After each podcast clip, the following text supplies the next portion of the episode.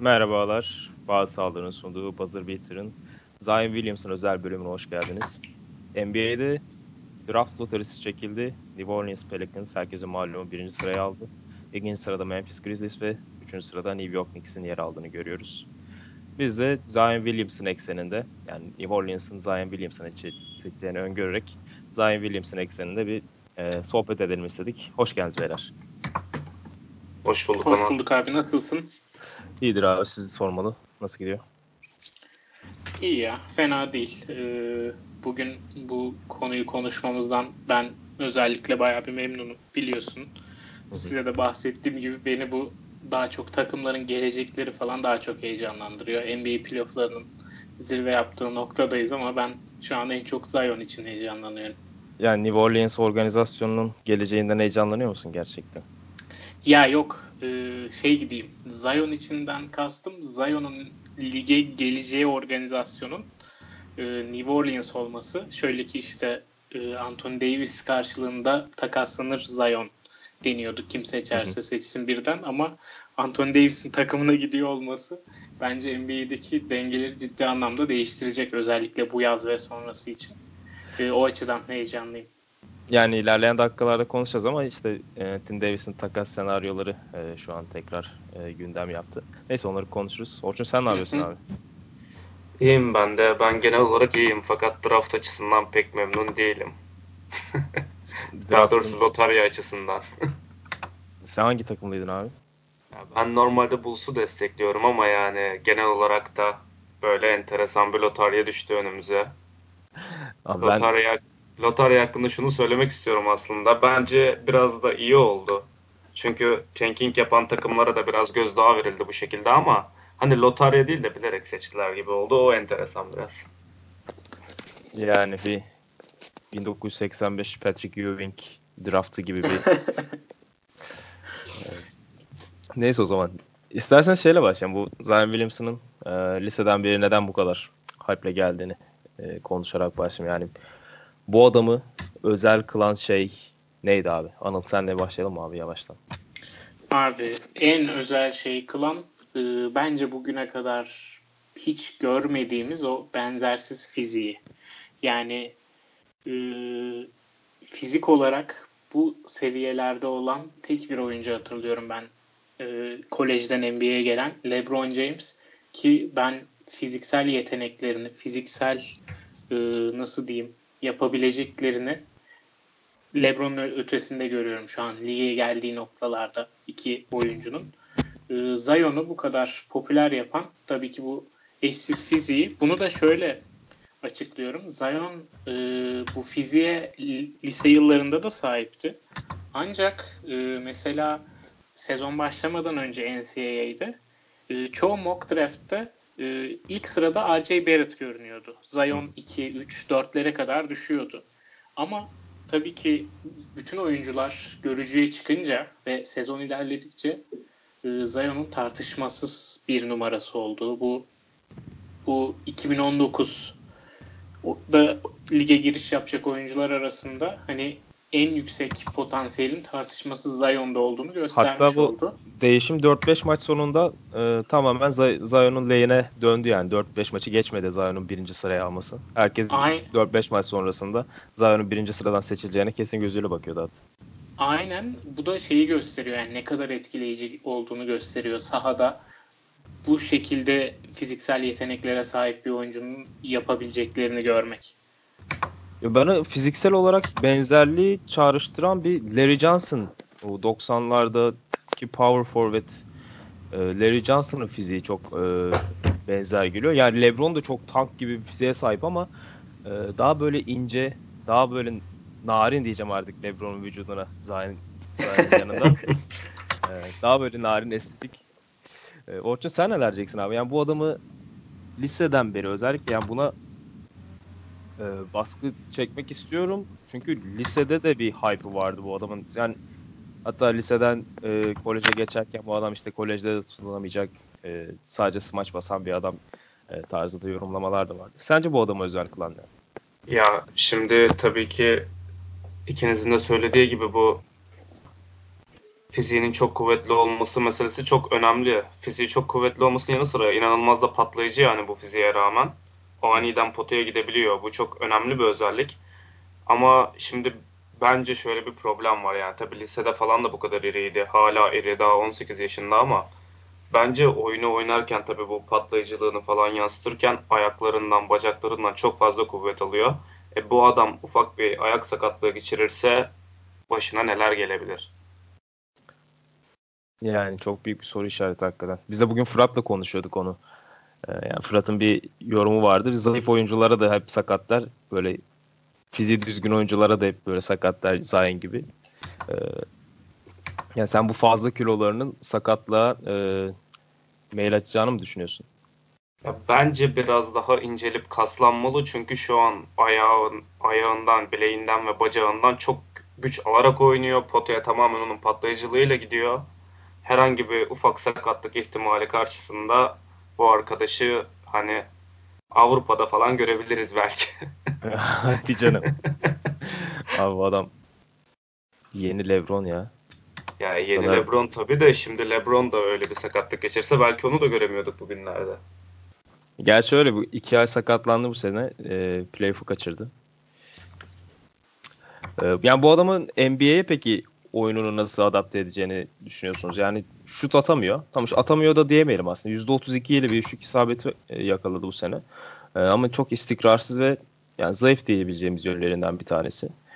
E, yani bu şuta dayalı gelişen oyunda NBA'yi nasıl adapte edecek kendisini? Anlatsana sonra. Abi, abi e, öncelikle şut e, geliştirilebilir bir e, yetenek. Evet. Hani en çok e, benim gördüğüm şut gelişimleri arasında mesela Kawhi Leonard'ın ki inanılmazdı. Ki LeBron'un da lige gelirken bu şut yetersizliği çok ön plandaydı ama e, LeBron'un şu an hani böyle bir yetersizlik taşımadığını görüyoruz. Çünkü kariyeri boyunca e, bu eksikliğin üzerine gitti ve artık oyun olgunlaştığında da şut eksiğini kapatmıştı. E, Zion Williamson buna bakış açısı önemli olacaktır. Hani çalışma etiği bunda önemli olacaktır. Bir de şut mekaniğinin sıkıntılı olduğuna dair e, yazılar oku, yazılarda okudum yazılarda şut mekaniğinin sıkıntılı olduğuna dair e, araştırmalar vardı. Hani bu da düzeltilebilir ama tabii ki iyi bir koç gerekiyor bunun için. New Orleans'ın böyle bir koç eksiği var mı yok mu onu bilmiyorum. Hani ne kadar iyi durumda Alvin Gentry'nin asistanları, yardımcıları, oyuncu geliştirme koçları. E, o yüzden hani bu en büyük eksiklik olarak görülüyor ama sen e, biraz önce yayının başında söylediğin ikinci Lebron olacak bu çocuk diye. Ben şeyi görüyorum biraz ya. E, ben savunmada Kawhi Leonard, hücumda Antetokounmpo sentezi bir oyuncu bekliyorum Zion Williamson'ın kariyer gelişimi olarak. Yani ne diyeceğimi bilemedim. Canlandıramadım o oyuncuyu kafamda şu an. Hücumda Antetokounmpo'su olmadı Kawhi Leonard deyince. NBA 2K'da bütün şeyleri fulllemişsin. Şut biraz sıkıntılı.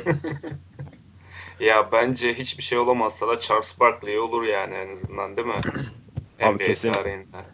Ya şöyle ben yetenek ve e, fizik özellikleri olarak Charles Barkley'den çok daha üstün bence.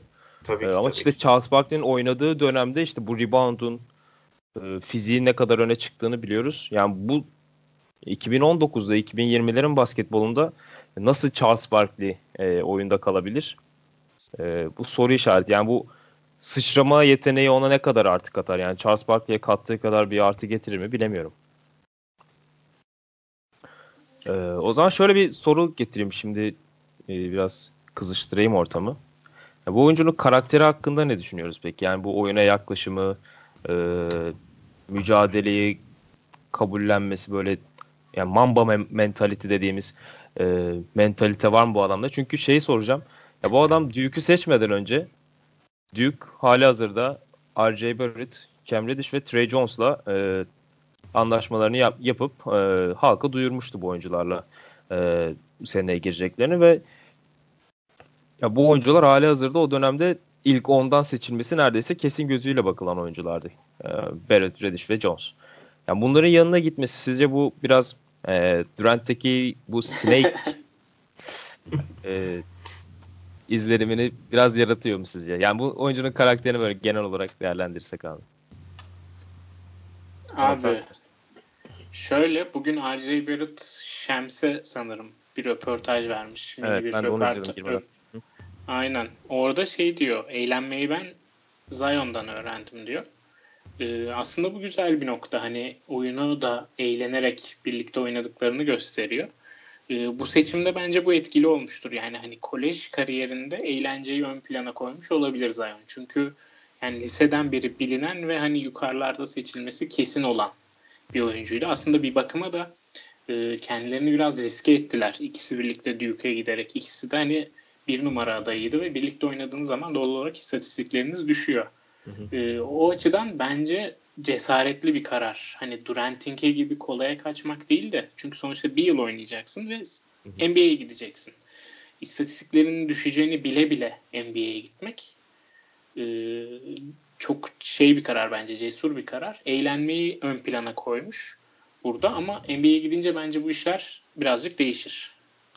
Ee, şimdi eğlenmek dedin de bu New York'un da bu A.J. Barrett'la Zion Williamson'ın arkadaşlarını kullanarak bu üçüncü tur hakkından vazgeçmesi e, konuşuluyordu Anthony Davis takasıyla. Onu da konuşuruz ya ileride konuşuruz. Bir... Aynen bunu ileride konuşalım. Aha. Bu da benim en sevdiğim senaryo. Orçun sen bir şeyler diyecek misin abi? Zion'ın ben... oyuna yaklaşımı ile ilgili. Yani bu tamam sahada görüyoruz bir canavar çıkıyor içinden hırs küpü çıkıyor ama e, işte sağ dışında e, ne bileyim var mı gözüne çarpan bir şeyler? Ya bence gerçekten yani Durant benzetmesi birazcık doğru ama tabii bu kolaya kaçma falan açısından da ziyade şu açıdan da doğru birazcık. E, Durant de genel olarak böyle hani NBA NBA'deki yani gazeteciler tarafından falan çok hırpalanan biri değil açıkçası hani Snake muhabbetine rağmen. Yani böyle saygı duyulan birisi sayılır. Yani Zion da öyle görünüyor ama bir yandan da böyle hafiften bir çakallığı var gibi doğruyu söylemek gerekirse. Ee, bu R.J. Barrett ve Zion'ın birleşmesinde de olan bence Cam Reddish'i oldu. Onlarla beraber yine ilk üçten dörtten gitmesi beklenen biriydi. Bayağı gerilere düştü. Top bu ikiliye dağıtılınca. Chicago'muza bekliyoruz Cam Reddish'i. ben daha çok Darius Garland benziyorum. Efendim abi? Oraya. Daha çok Darius Garland'ı bekliyorum Chicago'ya. Bir point guard ihtiyaçları var.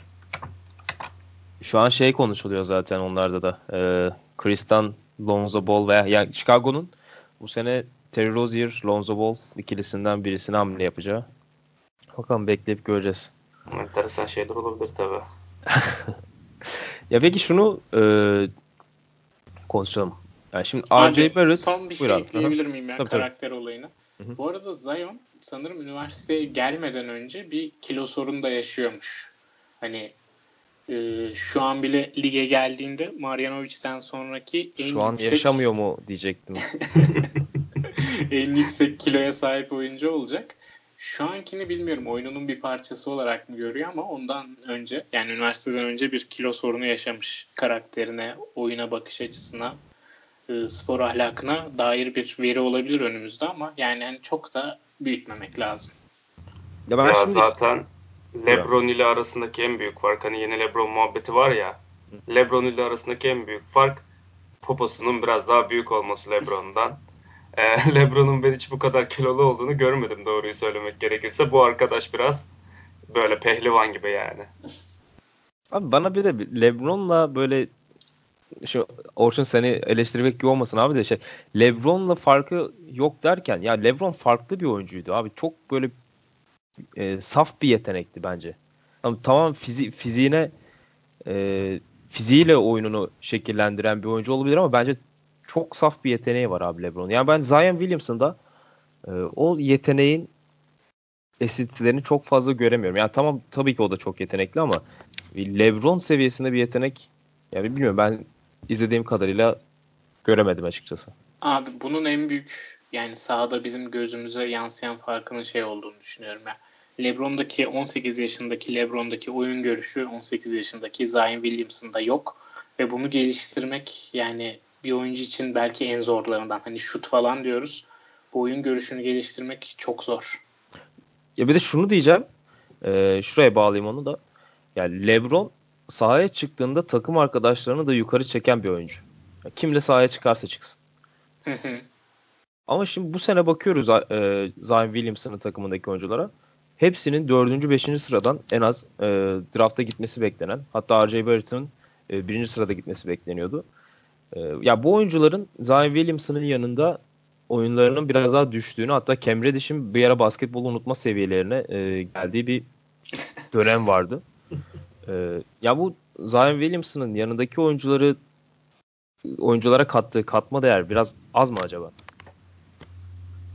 Vallahi doğal bu. Yani hani Zion Williamson bir oyun kurucu olmadıkça hani şu an oyun kurucunun şeyi de değişti. NBA'deki tanımı da değişti. Playmaker dediğinde hani o setten, o hücumdan basketi çıkaracak hamle olarak bakılıyor ama hani çevresindeki oyuncular için yaratmayı öğrenemedikçe bence kariyeri LeBron gibi bir e, yolda değil daha çok Kawhi Leonard, Antetokounmpo yolunda ilerleyecek gibi duruyor.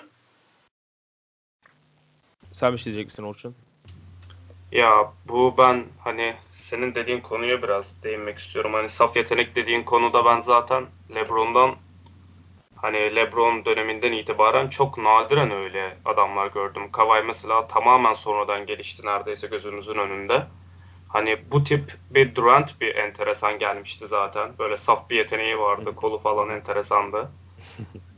Bir de Derrick Rose'un böyle enteresan bir patlayıcılığı vardı yani. Onun haricinde de öyle çok adam göremedik belki son yıllarda Davis bir de. Aynen öyle. Ya onu da e, buraya değinmişken şunu da sorayım. Ya bu LeBron'dan itibaren tamam LeBron'u bir e, milat sayalım. 2003'ten itibaren 2019'a en çok hype'lanarak gelen oyuncu Zion mı? Evet kesinlikle. Evet evet. Çok fazla hani hakkında bahsediliyor, ediliyor ama işte Durant'i geçebilir mi? LeBron'u bırakalım, Durant'i geçebilir mi? O da çok ayrı bir soru yani. Abi kesin. Ya ben zaten şey düşünüyorum. Ya Durant kariyerinin sonunda en iyi 10 oyuncu arasında büyük ihtimalle girecek gibi geliyor bana. Büyük girer, ihtimalle. Girer. girer. Ee, yani bu Kobe Bryant, Tim Duncan seviyelerinde göreceğiz onu gibi geliyor. Ee, şimdi düşünüyorum bu geçtiğimiz 16 senede bu hype'lanarak gelen oyunculardan Kevin Durant 2007'de.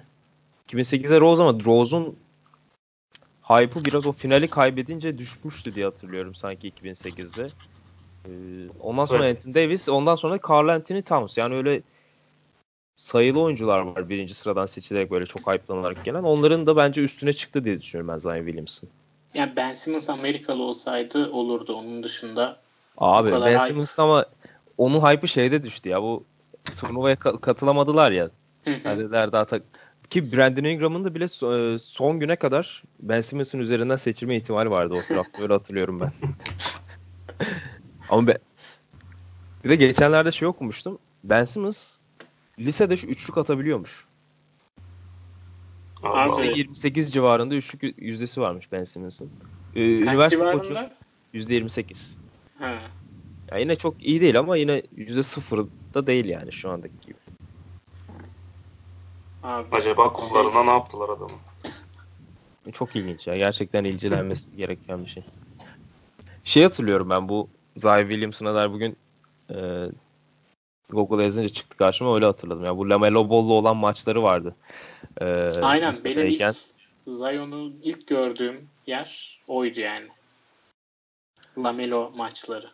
İşte o ara Lonzo Ball da e, hype'lanıyordu e, Lavar Ball tarafından. İşte Zaten o Lamela Ball'un takımının koçu da e, Lavar Ball değil miydi? Öyle mi? Yani bench'te Lavar Ball oturuyor çünkü tekrar izledim bugün. E, işte en iyi koç benim falan filan diyor böyle maçtan sonra. Ona kalson Michael Jordan'dan da iyi basketbolcu zaten yani. Ha, öyle diyordu. Musammak lazım. hani, o maçı hatırlıyorum şey e, altta yorumlar vardı o maçtan maça işte Damian Lillard gelmiş sanırım. Bir iki ünlü oyuncu daha gelmişti.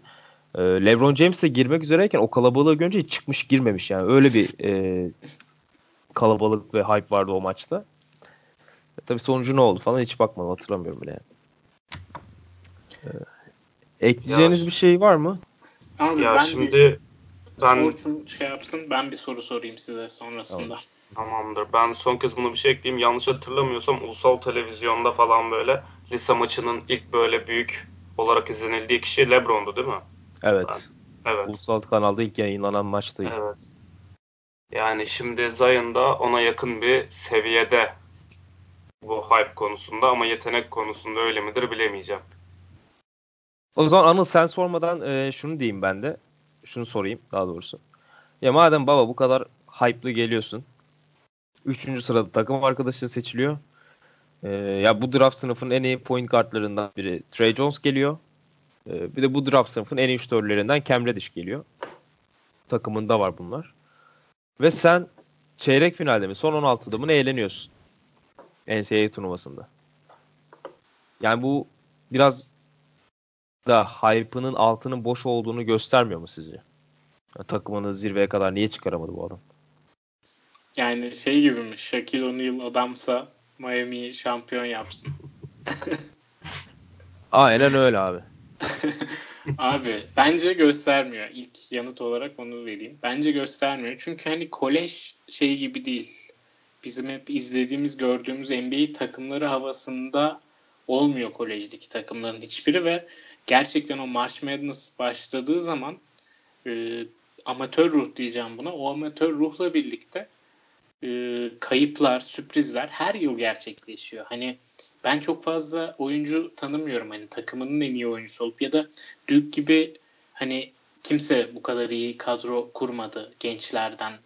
Bu kadar yıldız adayıyla bir kadro kurmadı son yıllarda benim hatırladığım ama her zaman o sürprizler gerçekleşiyor. Bir de e, dediğin gibi Zion Duke'e katılmadan önce Cameron Reddish, Trey Jones ve R.J. Barrett'la zaten anlaşmışlardı. Ama buranın üstüne Zion gibi bir oyuncuyu ekleyince bu oyuncuların birbiriyle sahada uyumu da çok sıkıntı. Yani çoğu zaman bu üç oyuncu sahadayken e, etrafında şut atacak e, Zion'un etrafında veya R.J. Barrett'la Cameron Reddish'i de ekleyelim. Bu çekirdeğin etrafında alan açacak, şut atacak oyuncu bulmakta zorlanıyorlardı. En büyük sıkıntıları zaten sezon boyunca bu oldu. Hani şey bu noktada hani oyundaki gibi değil ki en güçlü kadro şampiyon olsun. O nedenle saha içi teknik sorunlardan dolayı Duke ilerleyemedi. Hani yoksa bu oyuncuların çok fazla sorumluluğu olduğunu düşünmüyorum ben. Duke'un bu sene başarısız görünen bir sezon geçirmiş olmasında. Abi zaten şey katılıyorum bu NCAA'de ne olacağı belli olmuyor dedin. Bunların kaybettiği Michigan State maçında ben bir adamı çok beğendim. Ya hatta bayağı beğendim. De senle konuşmuştuk hatırlıyorsun bu. Ee, Cassius Winston adamın adı. Ya dedim bu adam kesin ilk ondan seçilir falan filan. Baktım 18 sayı 7.5 asist ortalama yapmış bu sene. Bu sene e, işte 3. senesinde. Adam şey 60. sıradan bile seçilemeyecek yani. Şu an mock, mock draftlarda o tarz bir. Ve de takımın en iyisi. E, Zion Williamson takımını eliyorsun. Ama draftta seçilemiyorsun. Garip bir dinamiği var yani bu NCAA'inde. Benzer bir örnek vereyim abi. Aiton'un takımının geçen yıl Arizona onlar da çok başarısızdı. İkinci soru skoreri Alonzo Trier'di. Hı hı. Ee, bu yıl New York'ta New York'ta.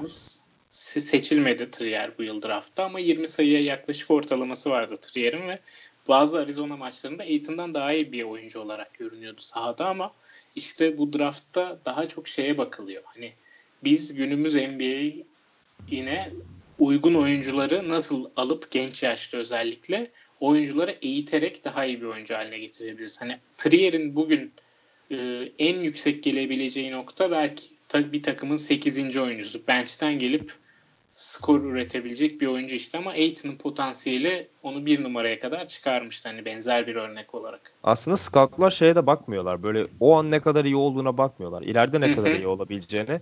Ya o sahada küçük böyle 40 dakika boyunca yaptığın bir şey değil de sahada 2-3 kere yaptığın ince işçiliğe bakıyor. Mesela Antetokounmpo'nun Yunanistan 2. liginden seçilmesi adam ben izliyorum abi klipleri.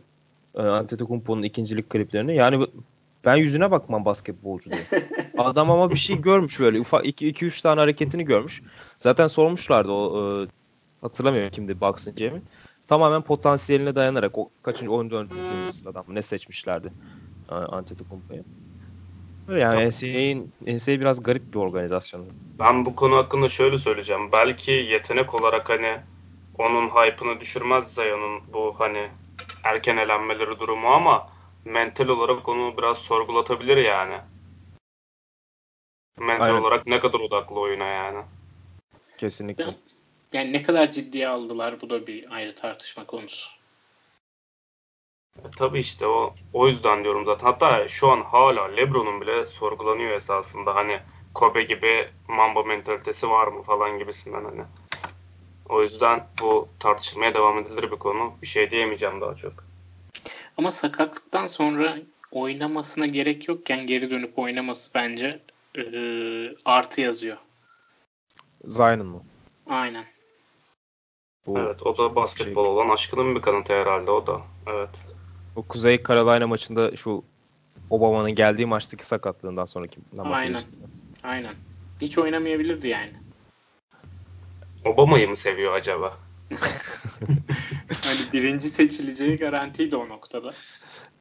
Evet aslında doğru. En çok bana şeyi gösteriyor ya eğleniyor. Gerçekten sahada eğleniyor Zion. Ya işte NBA'in de en çok istediği şey bu değil mi? Aslında hem o hem, o, hem de hem de Curry sahada eğlendiği için oyununu nerelere getirdiğini gördüğümüz için bu eğlence olayına Curry'den beri ben çok pozitif bakmaya başladım. Ya kesinlikle. Kesinlikle abi. Hatta Kev ya Curry'nin Durant varken ne kadar oyununun düştüğünü bu eğlendiğinden de e, çıkarabiliriz Aynen. aslında yani. Aynen. Ne kadar daha çok topu elinde istediğini veya ne bileyim e, daha hareketli oynandığının. Oyun Neyse. ne kadar içinde olduğunun. Hı hı. Aynen öyle. O zaman Zion'a dair ekleyeceğiniz bir şey tabii Zion ekseninde konuşacağız ama isterseniz biraz New Orleans'ın neler yapabileceğinden bahsedelim. Yani bu şu andan itibaren önümüzdeki e, Ekim ayına kadar ne gibi bir yola girecekler? E, Orçun senle başlayalım abi istersen. Ne görüyorsun? New Orleans neler yapabilir bu yaz? Ee, şimdi ben öncelikle şunu söyleyeyim. Bir direkt bu lotaryadan sonra birazcık şöyle bir konuşma geçti.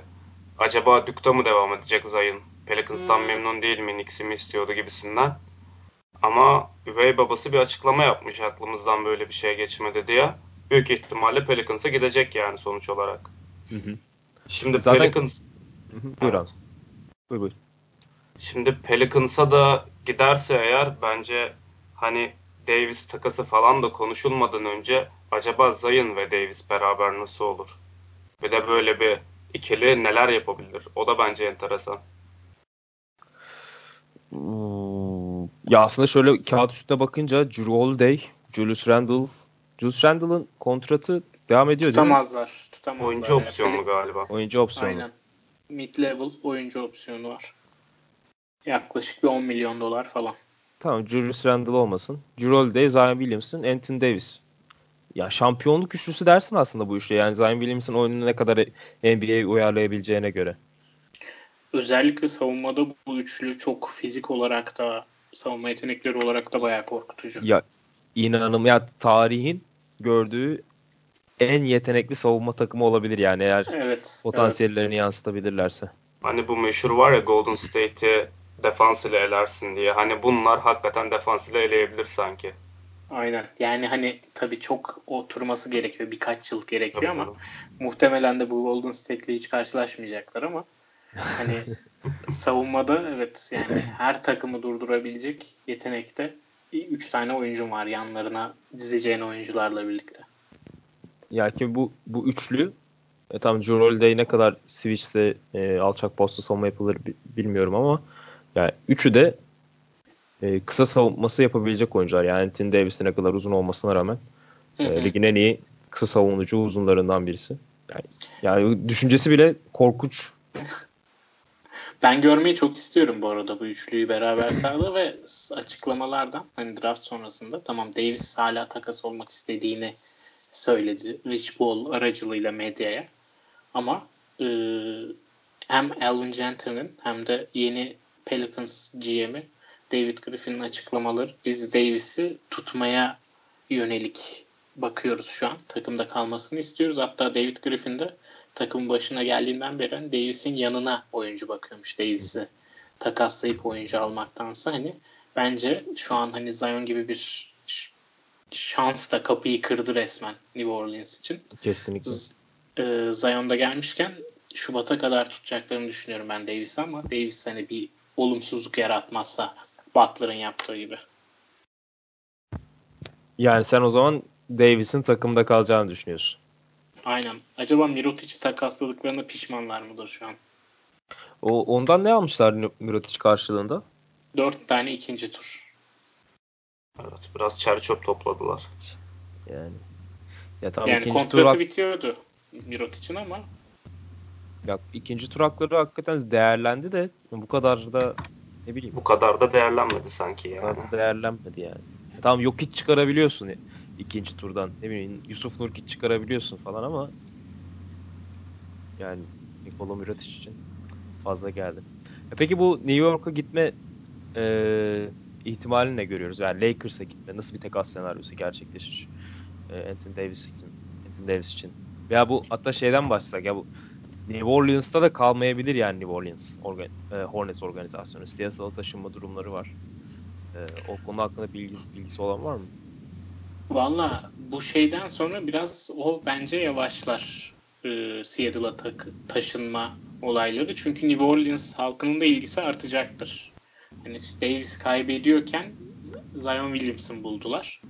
E, ilgi artacaktır diye düşünüyorum. Hele tutabilirlerse Davis'i o taşınma işi bence komple ortadan kalkar. E, onun dışında bu takaslar olayında da şey abi hani şeyi bundan çok değil 3-4 ay öncesine gidelim. E, takasını istediğinde Anthony Davis Ocak civarıydı. Ocağın 20'si 20'sinden sonraydı. E, en büyük aday Lakers olarak gözüküyordu. Sonra New Orleans vermek istemedi Lakers'a. Tamam olayları da geçtik. Trade deadline geçtikten sonra en büyük aday kimdi? Boston Celtics. 3-4 ay içinde Boston'ın neredeyse Anthony Davis'i alma penceresi kapandı. Bence bu NBA'in e, şaşırtmakta, sizi şaşırtmakta hiçbir zaman hayal kırıklığı yaratmadığının ve dramasız, heyecansız neredeyse bir gününün bile geçmediğinin ve hani ne kadar heyecan verici, takip etmesinin ne kadar heyecan verici bir organizasyon olduğunun göstergesi. Boston'un sence tamamen kapıları e, şansı kalmadı mı? E, Abi önce bir Kyrie'yi tutabilsinler. Hani büyük ihtimalle bir... tutamayacaklar onu. Onu tutmak hani... isterler mi bir de? O da yani. var. Ama hem Kyrie ile ilgilenip hem bir yandan Davis takas senaryoları görüşmek hani bir şey için bir organizasyon için büyük bir yük. Hani bu ikisine aynı anda oyunda bile şey yapamazsın. Halledemezsin. hani ya zaten bir, şapkadan İkisin, tavşan ikisinden birini ikisinden birini tutamazsan, getiremezsen veya e, ya diğerini getirdiğine pişman olur bence Boston. Aynen. Aynen. Bir de şöyle pikler önemliydi Boston için. O tarihte diyorduk ki trade deadline'da Clippers playoff'a giremeyecek. Clippers piki Boston'ın olacak loteriden. ee, Memphis piki ikinci sıraya düştü gelmedi Boston'a. İlk 8 korumalıydı. Sacramento piki bir yıl önce inanılmaz değerliydi Tatum takasında. Bugün 14. sıradan gidecek Sacramento piki. Tamam Memphis piki hala duruyor. Seneye ilk altı Seneye. korumalı. Ondan sonraki sene tamamen korumasız bir şekilde yine Davis takasında kullanabilirler ama özellikle diğer iki pik tamamen değerini kaybetti. Hani vereceği first roundların şu an Boston'ın Lakers ve e, New York'unkilerden değerli değil. Zaten New York'unkinden değerli olmayacaktı tamam ama Lakers'ınkinden bile değerli değil artık. Ee, New York'un da şöyle bir e, ihtimali var. Kevin Knox Mitchell Robinson e, ekseninde bir Anthony Davis hamlesi gelir mi sizce? Valla bunun yanına bir diğer R.J. Barrett Dennis Smith Jr. üçüncü şey pick R.J. Barrett ve Nilikina falan da yani hani her şeyi bütün gençleri. Ama, ama bir de şunu düşünüyorum e, maaşı denkleyebilecekler mi? Yani maaşı yani geçen sene komik. Enes Kanter vardı onu kullanabiliyorlardı. Aman Burada çok bunu, komik bunu bir, bir durum var şey abi. Lance Thomas biliyorsunuz nefret eden New York taraftarı da. Ee, onun şeyi var, kontratı var. Kaç milyon ki abi? Lance Thomas ne kadar alabilir yani? 7,5 milyon mu 8 milyon mu ne? Kontratı. Team option var. New York bu normalde kimse bu team option'ı almaz. Lance Thomas gibi bir oyuncuya 7-8 milyon ödemek için. Ama bu team option'ı alabilir. Sırf Davis takasında parayı kullanmak için. Bir de şey olabilir. drafttan önce yapılırsa bu takas New York'un çok büyük bir boşluğu olduğu için cap space'inde oraya alabilirler ama bu sefer Durant ve Kyrie'ye ödeyebilecekleri maksimum parayı biraz azaltıyor bu durum. Peki da e, muhabbeti açılmışken e, son dakikalarda konuşalım. E, sizce New York'un Kyrie ve Durant'i aynı anda getirmesi iyi bir şey mi? Yani Kyrie ve Durant birbirini ne kadar tamamlıyor, ne kadar şampiyonluk yolunda iddialı bir takım ortaya getirebilir bu ikili.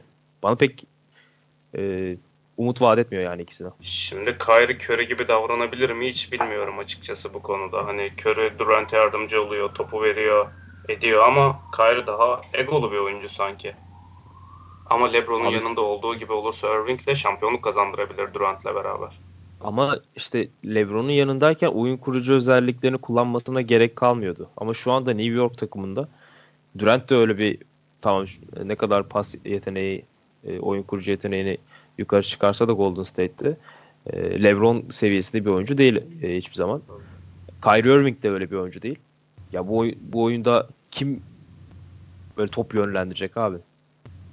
Düşünüyorum Smith Jr.'ı tutup Durant ve Davis'i getirseler belki de daha iyi olur onlar için. Kesinlikle. Ben ben öyle düşünüyorum açıkçası. Abi yani nasıl diyeyim New York'un sorunlarının bence en küçüğü olur. Hani bu üçlü gelsin de bir bulunur. Topu yönlendirecek adam da bulunur.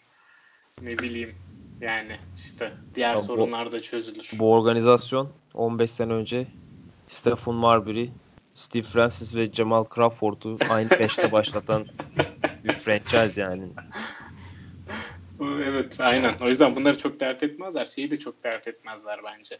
Şu an baktığımda ligdeki yıldızlar arasında e, kafasının nasıl çalıştığını anlayamadığım iki oyuncu var. Biri Kyrie Irving, diğeri Kevin Durant. Yani diğer oyuncuları az çok biliyoruz. LeBron'un karakterinden eminiz. Gerçi Durant bu yıl biraz sonradan bozdu ya. Ama. Kyrie'nin ben nasıl çalıştığını biliyorum ya. Düz çalışıyor onun. Dünyayı da düz görüyor zaten. Ya. Düz öyle dümdüz. Yani ikisi de bu yıl takım arkadaşlarıyla sorun yaşadı. Yani ki ilk de değil Kyrie'nin özellikle. Ee, Durant de Westbrook'la saha içinde tartıştığı günleri de hatırlıyoruz. O yüzden değişik bir ikili hani New York açısından ama böyle bir şansın varsa kullanırsın yani. Bun, bunları düşünmez. Özellikle New York hiç düşünmez. Ee, o zaman şey son sorumu tekrar Zion Williamson e, üzerinden soracağım. E, hazırsanız. Şimdi şey isteyeceğim. Bu üçlü Anıl, Orçun, Onat üçlüsü. Zion Williamson'a dalsa alabilir mi? Alamayız abi. Alamayız. Şimdi emanet getirebiliyorsak ayrı.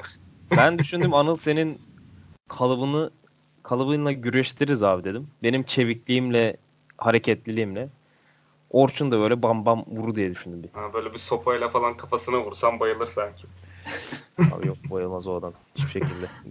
Bir üç tane daha lazım bizden. Abi şu an Zion bir tane fotoğrafı açık önümde yani yok. Olmaz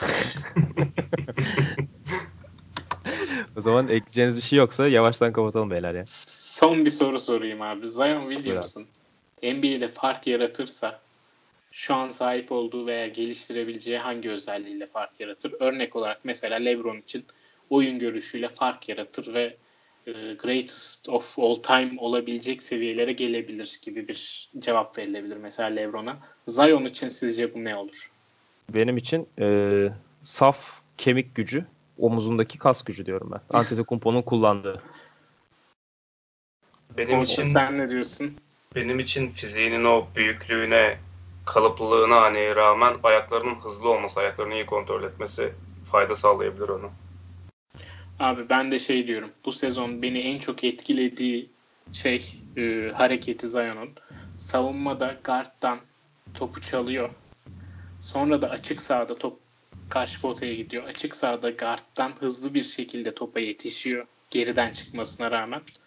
Ve sol köşede almasına rağmen çok hızlı ve atletik bir şekilde basket faali alıyor. Bence bu motoru özellikle savunmadaki motoru hem pota koruyuculuğu hem e, pas kanallarını kesebilmesi açısından, ikisini birden yapabilmesi açısından bence farkı burada yaratır. Eğer e, yıldız olduğunda savunmaya önemi bırakmazsa. Ya kesinlikle. Ya motor şu anda NBA'de en çok aranılan özelliklerden biri. Özellikle bu playoff atmosferinde. Ee, şimdi Aynen. görüyoruz. Şimdi görüyoruz. Ya motor düşük oyuncu bir an böyle kafasını dinlenmeye ayırdığında hemen onun üzerinden sayı bulabiliyor takımlar artık. Ee, o zaman yavaştan kapayalım. Var mı ekleyeceğiniz abi? Yok abi. Orçun senin? Yok. Ee, New Yorkluların canı sağ olsun eğer bizi dinleyen New Yorklu varsa geçmiş olsun. o zaman ağzınıza sağlık. Ee, diğer programlarda e, draft öncesinde tekrar görüşmek üzere. Hoşçakalın. Hoşçakalın. Hoşçakalın.